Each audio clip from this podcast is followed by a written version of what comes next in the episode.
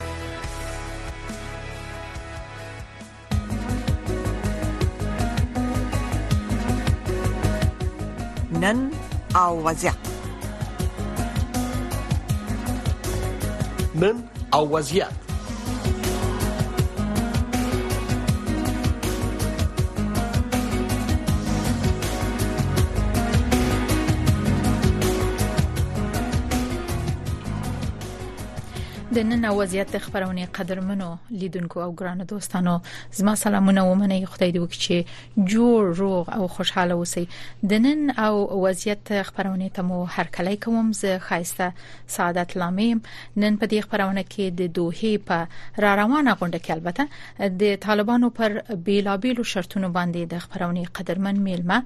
د پخوانی ولسی جرګې غړي خالد پښتون صاحب سره خبرو ته کینو چې هیله ده تاسو هم موږ سره مل اوسئ او دا خبرونه واوري او د قدرمن میلمه تحلیل او ارزونه هم واوري نو اول به خپل قدرمن میلمه ته ستړي مشي وایو پښتون صاحب په خیر راغلی ستړي مشي مخکې لدی چې مونږه د خبرونې میلمه ته ورشو پښتون صاحب نه پمننې سره به اول په همدې برخه کې یو رپورت ته ورشو چې زموږ همکار وحید فیضی صاحب برابر کړی دی د طالبانو د حکومت بارنیو چارو وزارت سرپرست د ملګرو ملتونو د عمومي منشي په کوربتوب د قطر پایتخت دوحه کې د افغانستان په تړاو په جوړیدونکو غونډه کې د ګډون لپاره خپل شرایط اعلان کړي دي دا خبره موږ مخکې هم وکړه د ویلي چې که شرایط یې ونه منل شي دا غوړه غني چې په دې غونډه کې بالکل ګډون ونه کړي نو په دې تړاو پام وکړئ د کابل څخه د امریکا غږ رادیو د خبريال اکرام شینواری صاحب رپورت د طالبانو د حکومت د بهرنی چارو وزارت مرستیال ویاند ضیا احمد تکل د چهارشنبې د ورځې ناوخته رسنیو ته په یوه استولي غږیز پیغام کې ویلي چې مولوي امیر خان متقي دا شرطونه په کابل کې د روسیې د فدراسیون د سفیر دیمیتري ژیرینوف سره په کتنه کې اعلان کړي دي ښاغلي متقي پرته له دې چې د دې شرایطو په اړه پوره وضاحت ورکړي د دوحې په غونډه کې د ملګرو ملتونو سره د معنا لرونکو سلا مشورو فرصت او په ښه ډول د افغانستان د استازیتوب مسولیت تر سره کول د خپل شرایطو په توګه یاد کړي او ویلي دي چې په دې اړه یې خپل دریز د ملګرو ملتونو اړوندو ادارو سره هم شریک کړی دی ښاغلي تکل په دې اړه ویل متقي صاحب وویل که د دوحې په ناسته کې د اسلامي امارت او د ملګرو ملتونو ترمنځ په لوړه کچه د ټولو مسایلو په تړاو د معنا معناداره سلامشورو فرصت برابرېږي او اسلامي امارت وکولای شي چې د افغانستان د استازیتوب مسوولیت په ښه ډول ترسره کړي، یو ښه فرصت دی. دغه راز د بهرنیو چارو وزیر زیاته کړه، که د اسلامي امارت شرایط په پام کې نه نیول کېږي، نه ګډون غوره ګڼل کېږي او په همدې اړه د دوحې ناستې له ټولو ګډونوالو سره په خبرو بوخت یو. ټاکل شوې د ملګرو ملتونو د عمومي منشي انټونیو ګوتریش په بلنه افغانستان لپاره یو شمېر هیوادو د ځانګړو استادو او نړیوالو سازمانونو د استادو دویمه مشورتي غونډه د قطر په پایتخت دوحه کې د فبرورۍ د میاشتې په 18 او 19 جوړه شي ملګرو ملتونو د عمومي منشي ویاند سټیفن دوچاریک خبريالانو ته ویل چې دا غونډه به افغانستان لپاره یو شمېر هیوادونو ځانګړو استازو ته د دې فرصت ورکړي چې په ډلهییز ډول د افغانستان په مسله کې د واکمنو طالبانو د حکومت د استازو په ګډون د اړوندو ښکیلو غواړو مدني ټولنې د افغان پالانو او د افغان میرمنو له استازو سره خبرې وکړي ملګرو ملتونو د دغه غونډې د جوړېدو هدف په دې اړه بحث کول خو دي چې څنګه د افغانستان په اړه د خپلواک ګرځونکو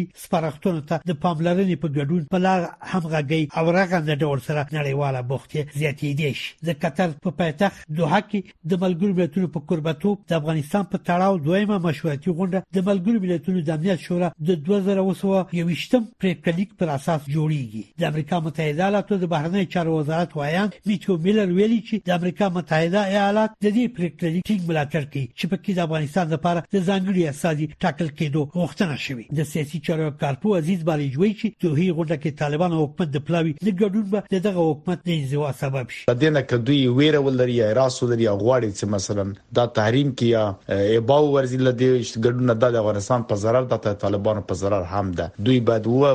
ونه درسي او دوی خپل باید پیشنهاد ته ولري خپل مزګینه باید دفاع وکړي او ته باید دوی فیصله کې په خوخه تایید کی او یا رد کی بهتره ده چې هلته هغه څه موقع وي او ښه ډیالوګ ولري او مخکې له مخې تیاری ولري پالیسي ورته جوړه کړي د بلې خوا د طالبانو د حکومت یو شمېر مخالفو سیاسي ډلو او جریانونو په دوحه کې د ملګرو ملتونو په نوښت د جوړیدونکو مشورتي غونډې په درشل کې په یو ګډه اعلامیه کې د دغه ټولنې د عمومي منشي لخوا افغانستان لپاره د ځانګړي استازي ټاکلو هرکلی کړی او ورسره د همکارۍ ژمنه کړې ده په دې ګډه اعلامیه کې چې د پنځشنبې په ورځ خبره شوې د پخوانیو مجاهدینو د څو ډلو په ګډون د طالبانو د حکومت پر خلاف د وسلوالو مقاومت د یو شمېر ډلو نمونه یاد شوي او د ملګرو ملتونو څخه غوښتل شوي چې د قطر په پایتخت دوحه کې د افغانستان په تړاو په جوړیدونکو غونډه کې او د ملګرو ملتونو لخوا په نورو جوړیدونکو مشورتي غونډو کې د افغانستان ټولو سیاسي ګوندونو او جریانونو ته د ګډون امکانات برابر د امریکا غږ آشنا رادیو د نن او وضعیت د خبرونه قدرمن اوریدونکو بیا هم تاسو ته خبرونه ته خراغلاست وایم امدارنګه د خبرونه قدرمن میلمه د پخوانی ولسی جرګې غړي خالد پښتون صاحب ته هم هر کله وایم پښتون صاحب ستړي مشه په خیر راغلی او ډیره مننه اول خو له تاسو نه د زړه له کومې مننه کوم ځکه مونږه وخت په وخت تاسو ته زحمت درکو او تاسو په خورا مهرباني زمونږه بلنه تل منلې د کور ودان ستړي مشي. خیر یوسئ زه هم په خپل نوبت تاسو ته ستاسو محترمو اوریدونکو همکارانو ټولو ته زړه د کومې سلامونه او احترامات تقدیموم. ډیره مننه پښتون صاحب کور ودان اول خو د دوه د راتلونکو غونډې د جنو مهمو ټکیو نه مخکې چې یو په یو به راوس پړو په کانګرس کې هم دا اوس استعمایا غونډه روانه ده او د افغانستان په چارو کې د امریکا په خوانی استاذي ځانګړی استاذي زلمی خلیلزاد البته د جنو غړو پښتنو ته جوابونه وایي په دې ترڅ کې مهم ټکی په ډاګه شوې دي چې زه غواړم اول تاسو نظر واخلم د دوه د تیری غونډې کې په خپل زلمی خلیلزاد ویل چې ولسمشر بایدن ته څلور آپشنونه یا څلور د څلورو لارو وړاندیز شوی وو خو هغه د جمهوریت او طالبانو ترمنځ د یوې موافقې د تر سره کولو یعنی یو سیاسي جوړجاړي نه مخکې د دې لپاره چې دا جګړه لا وګد نشي له همدې ویری دا ټول نور لارو باندې خط کش کړ او په اصطلاح ژر تر ژره د سرتیرو د ایستلو پریکړه ځکه وکړه چې هغه نه غوښتل چې دا جګړه د امریکا پنځم بل ولسمشر ته وروسپاري او هغه ته په میراث پریدي ستاسو نظر په دې اړه غواړم زه خپل نوبت سره په همدې ډله په همدې ارتباط د خلیلزاد صاحب حلځنی حلځلی په تیرو څو کالو کې د افغانستان د صلح او د دغه پروسې د تحقق په خاطر باید موږ کور ودانۍ ووایو ځکه ده خپله وظیفه پر ځای کړه، کومه وظیفه چې د امریکې حکومت ده ته سپارلې وه هغه د امریکې د ګټې په اساس ده په صحیح طریقه مخ ته بوتله خو زموږ او د افغانستان د ملت یوه لویه ګیله چې د خپله خلیلزاد صاحب او د دوی د رهبرانو څخه ده هغه دا ده چې موږ د تغییر او او د تغییر راوستلو مخالف نه وو خلیلزاد صاحب په دې پوه دی چې د افغانستان پخوانی جمهوریت او د افغانستان خلکو ټوله په منطقه کښې سوله غوښته، آرامي یې غوښته، حتی په تیرو شلو کالو کې متواتر پخواني دوو ولسمشرانو په په تکرار ډول دا ویله چې طالبان زموږ وروڼه دي، را دې شي، په افغانستان کې دې زموږ سره ګډ ژوند وکړي، همدلته دې انتخابات. کې برخه واخلي، د خلکو په ژوند کې دې ځان داخل کړي او د مستر د خدمت کې وګرځي. متاسفانه د ګیلې ځای دا دی چې خلیلزاد صاحب علاوه پر دې چې خپله وظیفه مخ ته بوتله، څنګ ته یې د شلو کالو دستاوردونه او لاسته راوړنې په باد پناه ورکړلې، مم له درې نیم لکه عسکر چې په ډېرو مصارفو او په ډېرو تکلیفو تربیه شوي و، هغه یې د مرګ خولې ته وتړله او او ټوله یې پر کور بې کاره کښېنوله او د مملکت ټول هغه دستاوردونه چې په تېرو شلو کالو کې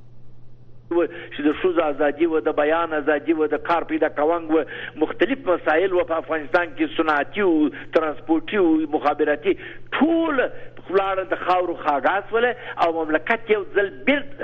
بیا د دوه زره یوم کال د اکټو د د د دسمبر مخکې حالت ته ولاړی پس نو په دې اساس کوم څه چې د وکړل هغه نه د امریکا د ولسی جرګې او د خلکو لپاره قابل تایید او نه د افغانستان د خلکو لپاره قابل تایید همدا دلایل و چې دا ګیلې موجود دي او دا ګیلې به همیشه موجود وي چې د خلزاد صاحب سره همیشه دا وخت په وخت پښتنه کیږي بله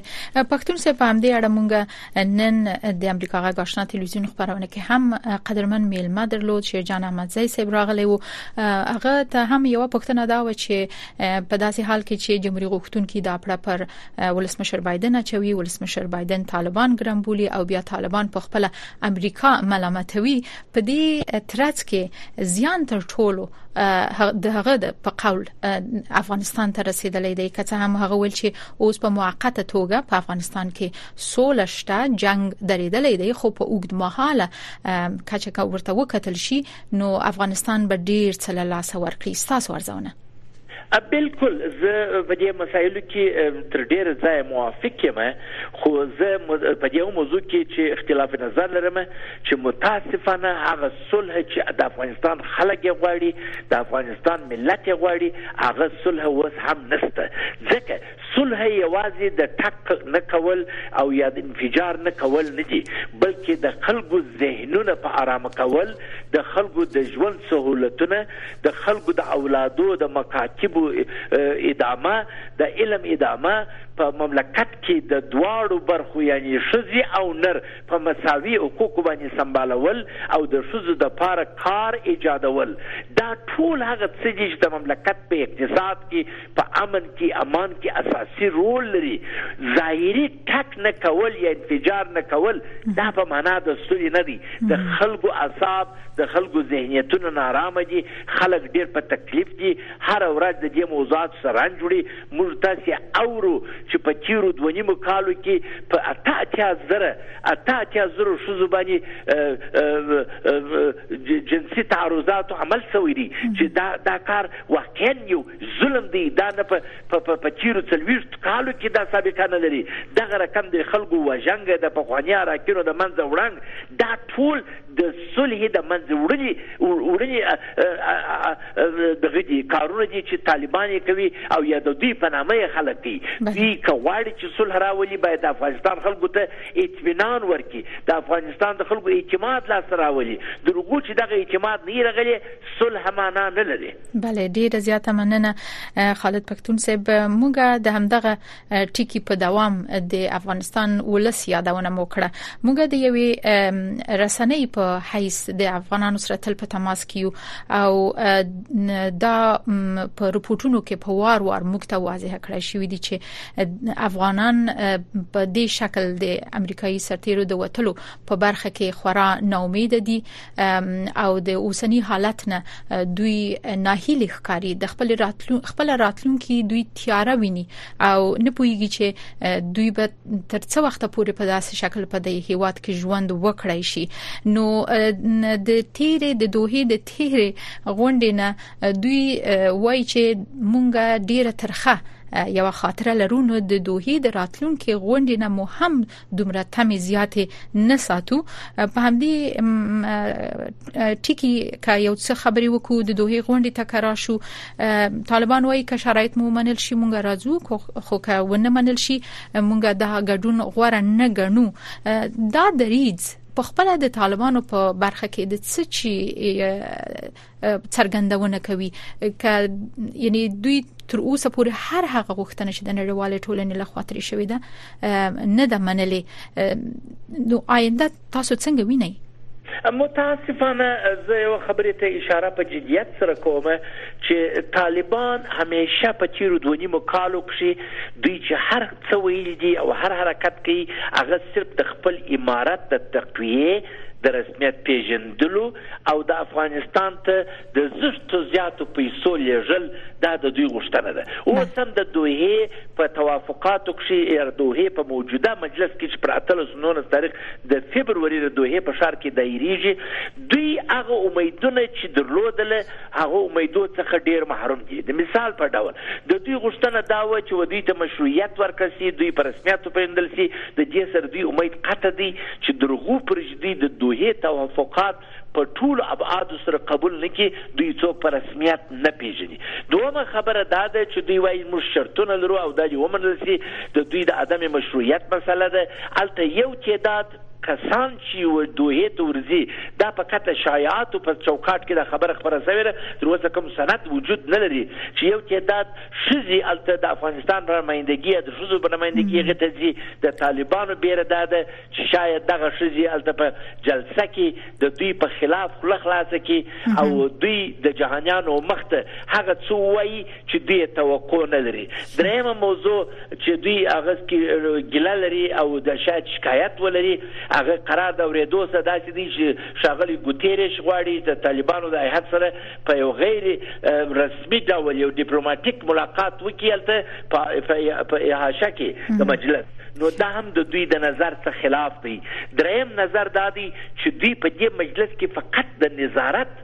د موجودیت حق لري د اظهار نظر حق نه لري ځکه په دې مجلس کې نور افغانان هم نشته چې هغه اظهار نظر وکړي چې د بیني جامعې نمائندگان ناس دي او هغوی د یو خاص استاذ په تعین کې سره ټولیږي چې د افغانستان لپاره خاص استازی وټاکي کوم چې طالبان د خاص استازي موجودیت هم نه مني په دې خاطر دوی په دې پوهیږي چې خاص استازی د دوی د کارونو مخالفت شاید وکړي بله ستاسو د خبرو نه دوی نور پښتني راولاړیږي لومړی دا چې د دې استازي سره ول مخالفت کوي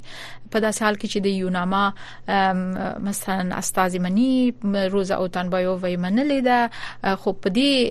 استاذ باندې ولې دومره مخالفت څرګندېږي دا یو او بل د میرمنو نه ویره ولې تر دې حد د طالبانو هغه فکری مخالفت په اصل کې په هغه جرړه کې ستاسو په نظر د میرمنو سره څه دی تاسو متاسفانه متاسفانه تاسو که یو څه تیر گذشت گذشته حالت یا تیر حالت ته وګوري طالبان په اوله دوره کې نسبتاً تر دې دورې ډېر د ښځو په حصه کې توند و. ما په یاد دي چې په هغه دوره کې هم ښځې په شلاخو ویل کېدلې، په حتی چادرۍ بې کړې وې، خلک ښځې بې ویلې. خو دغه د دوی کرونولوژي ښکاره کوي چې دوی په پخوا کې هم د ښځو سره حساس و، ځکه دوی د شریعت په اساس د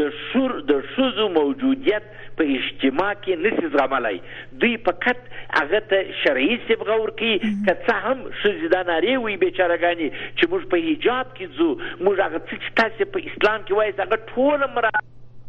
بن موږ ته د تعلیم اجازه راکړي لیکن طالب لالا زد نیولې دي په دې مسله کې تر اوسه داسې یو یو معجه دلیل چې هغه خلکو ته قابل قبول وي او یا د افغانستان و خوندو ته قابل قبول وي د وسه طالبانو نه دی وړاندې کړی او دا چې طالبان ولې د خاص استازي څخه بیریږي طالبان په تیر وخت کې د ډاکټر نجیب د دورې نه بیا تر نن پورې دوی د خاص استازو څخه چې ګوري دی یو بیره لري چې خاص استازي هغه څه چې په افغانستان کې په صحیح معنا سره روان دي یا په غلطه معنا روان دي هغه خاص استاذي اخي انعکاسيه و جهان ته انعکاسيه د افغانستان ملت ته دوی دغه بیره لري دوی غواړي هر څه پټ وساتي متاسفانه تاسو وګوري فساد تر جمهوریت کم نه دی ډیر دی لیکن دوی کوشش کوي چې فساد پټ وساتي حتی میډیا په دې کې تهدیدوي عوام خلک تهدیدوي غټ ټلیفونان چې د هغه څخه د واتس اپ او د فیسبوک استفاده کیږي په بازار کې تقریبا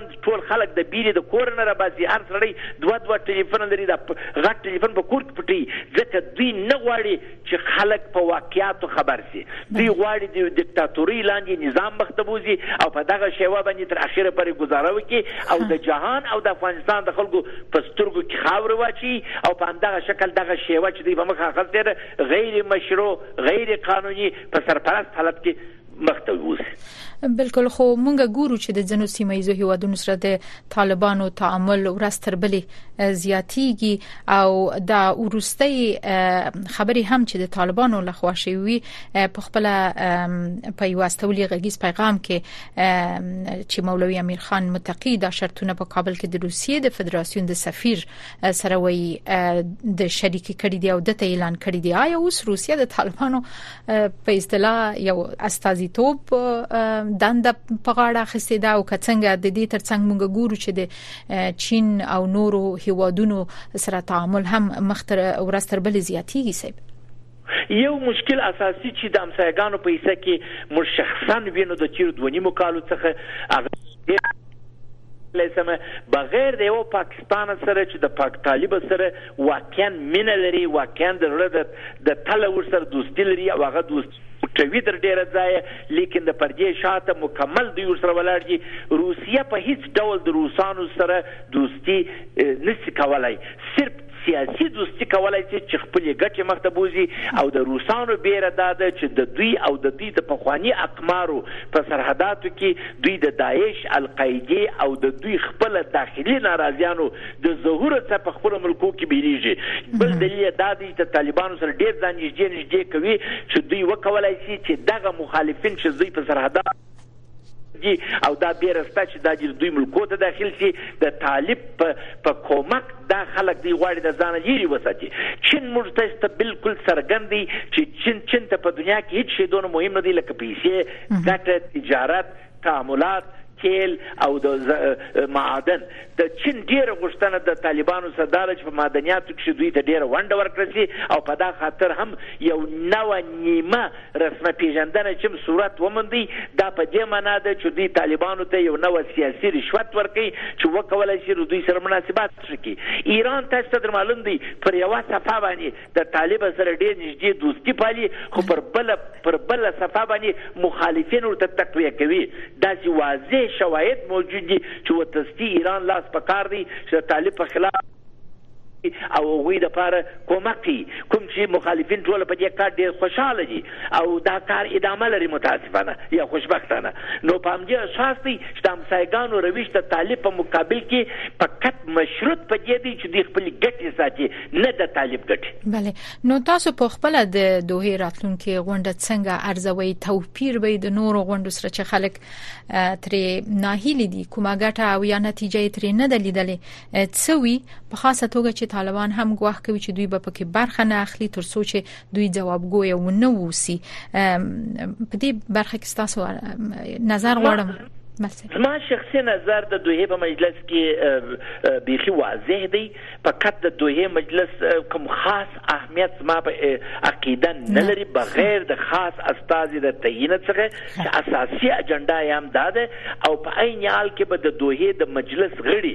د تیر دوحې د توافقاتو پر تحقق باندې تاکید وکړي چې دا ډیره مهمه ده او د طالب بیره هم دغه ده ځکه طالب نه غواړي چې په وار وار د جهاني بینالمللي جامعې څخه د دوحې د توافقاتو د تحقق عملي کېدو وغواړي. په هسپاندې اساس دوې اساسي نقطې په هغه کې موجودې دي یا درې چې یوه یې د خاص استازي له تعین ده، د دوحې له توافقاتو تحقق دی او د ښځو د حقوقو او تعلیم په حصه کې او د کار په حصه کې به دوباره یو تحقیق کېږي چې هغه تحقیق به طالبان نه خوښوي خو جهانیان به په ډېر شدت سره دا تحقیق باندې زور واچوي. بل څه پر پر دوحه بنا نه دي زه چې فکر کوم زما په عقیده او طالبان هم په دې پوهېدلي دي دا دوی چې دوحې ته په ډېره درنه سترګه نه ګوري ځکه هلته پر دوی باندې فشار زیاتېږي پر دوی تاکیدونه کېږي د دوی نه فشار خوښ دی او نه یې تاکید خوښ دی ډېر امکان د دې شته چې طالبان دې بیخي دوحې ته یا ولاړ نه شي او یا دې ډېر په کښته ټیټه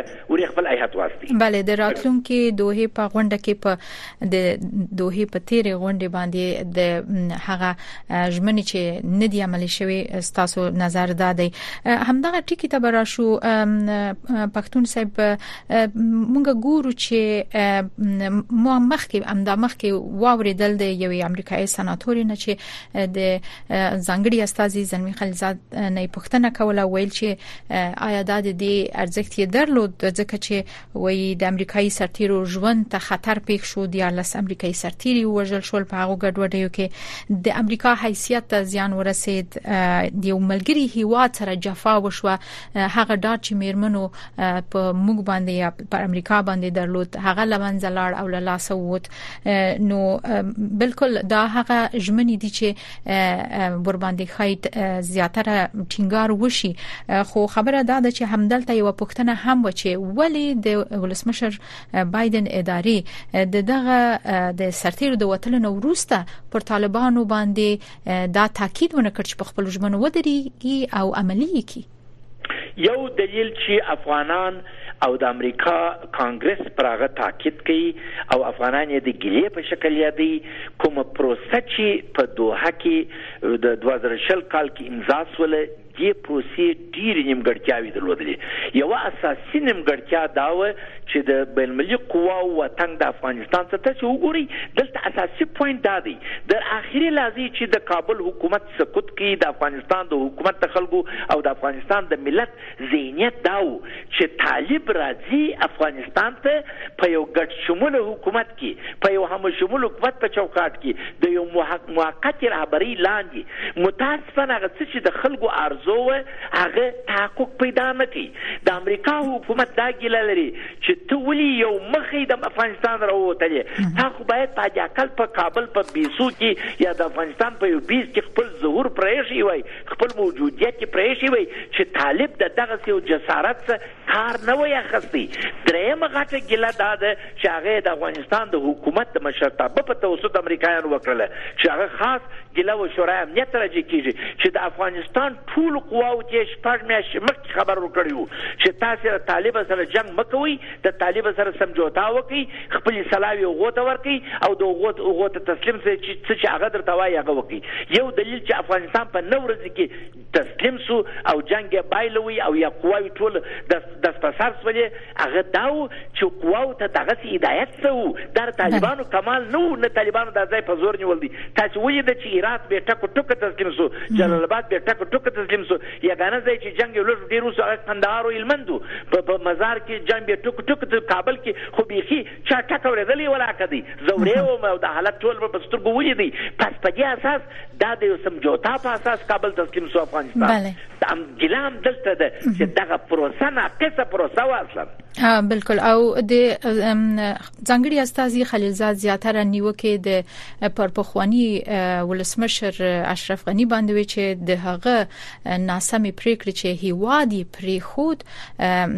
افغانستان د داسې یو ناورین سره مخامخ کړ خو څه فکر کوي آیا د دې امکان هم لیدل کیږي چې امریکا د اوکرين په جګړه کې هم ښکیل او له همدې کبله یې غوښتل چې د افغانستان په هیڅ پکې کې ژر تر ژره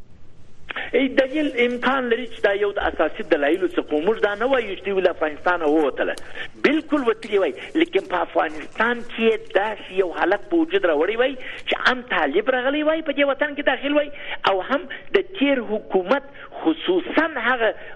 استابلیشمنت چې د چې د ملي اردو ملي پولیسو امنیت ملي او د نور ارګانو په موجودیت کې د افغانستان د خلکو د بقا او د تیرو شلو کالو د دستاوردلو په ساتلو سره ساتل کېدی فکر کوم هغه به ډیر شایسته لار وای اگر چې زه دې خبرې موافق یم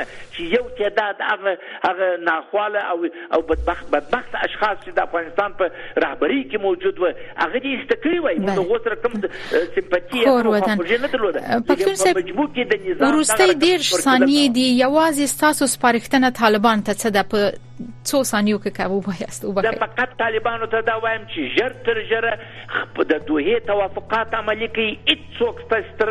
خلاف نه دي، هیڅوک ستاسې په خلاف درېږي نه، هر څه اختلاف چې نن روان دی هغه د دوحې د توافقاتو نه عملي کول دي، که تاسو دا عملي کړئ تاسو به هم یاست، د افغانستان ملت به هم وي، همدغه مخالفین چې تاسې نن شکایت ځینې کوئ په منځ کې د یو څو کسانو دوی به ټوله ستاسې و څنګ ته ولاړ وي او ستاسې. را سته لاس به وي. ډېره زیاته مننه کوم د پخوانۍ ولسي جرګې غړی خالد پښتون صاحب ستاسو د مهربانۍ نه ډېره زیاته مننه د زړه له کومې مننه قدرمنو لیدونکو دا خبرونه پای ته رسیږي شپې ورځ مو په خیر خدای دې وکړي چې زموږ راتلونکي خبرونه وګورئ او وایورئ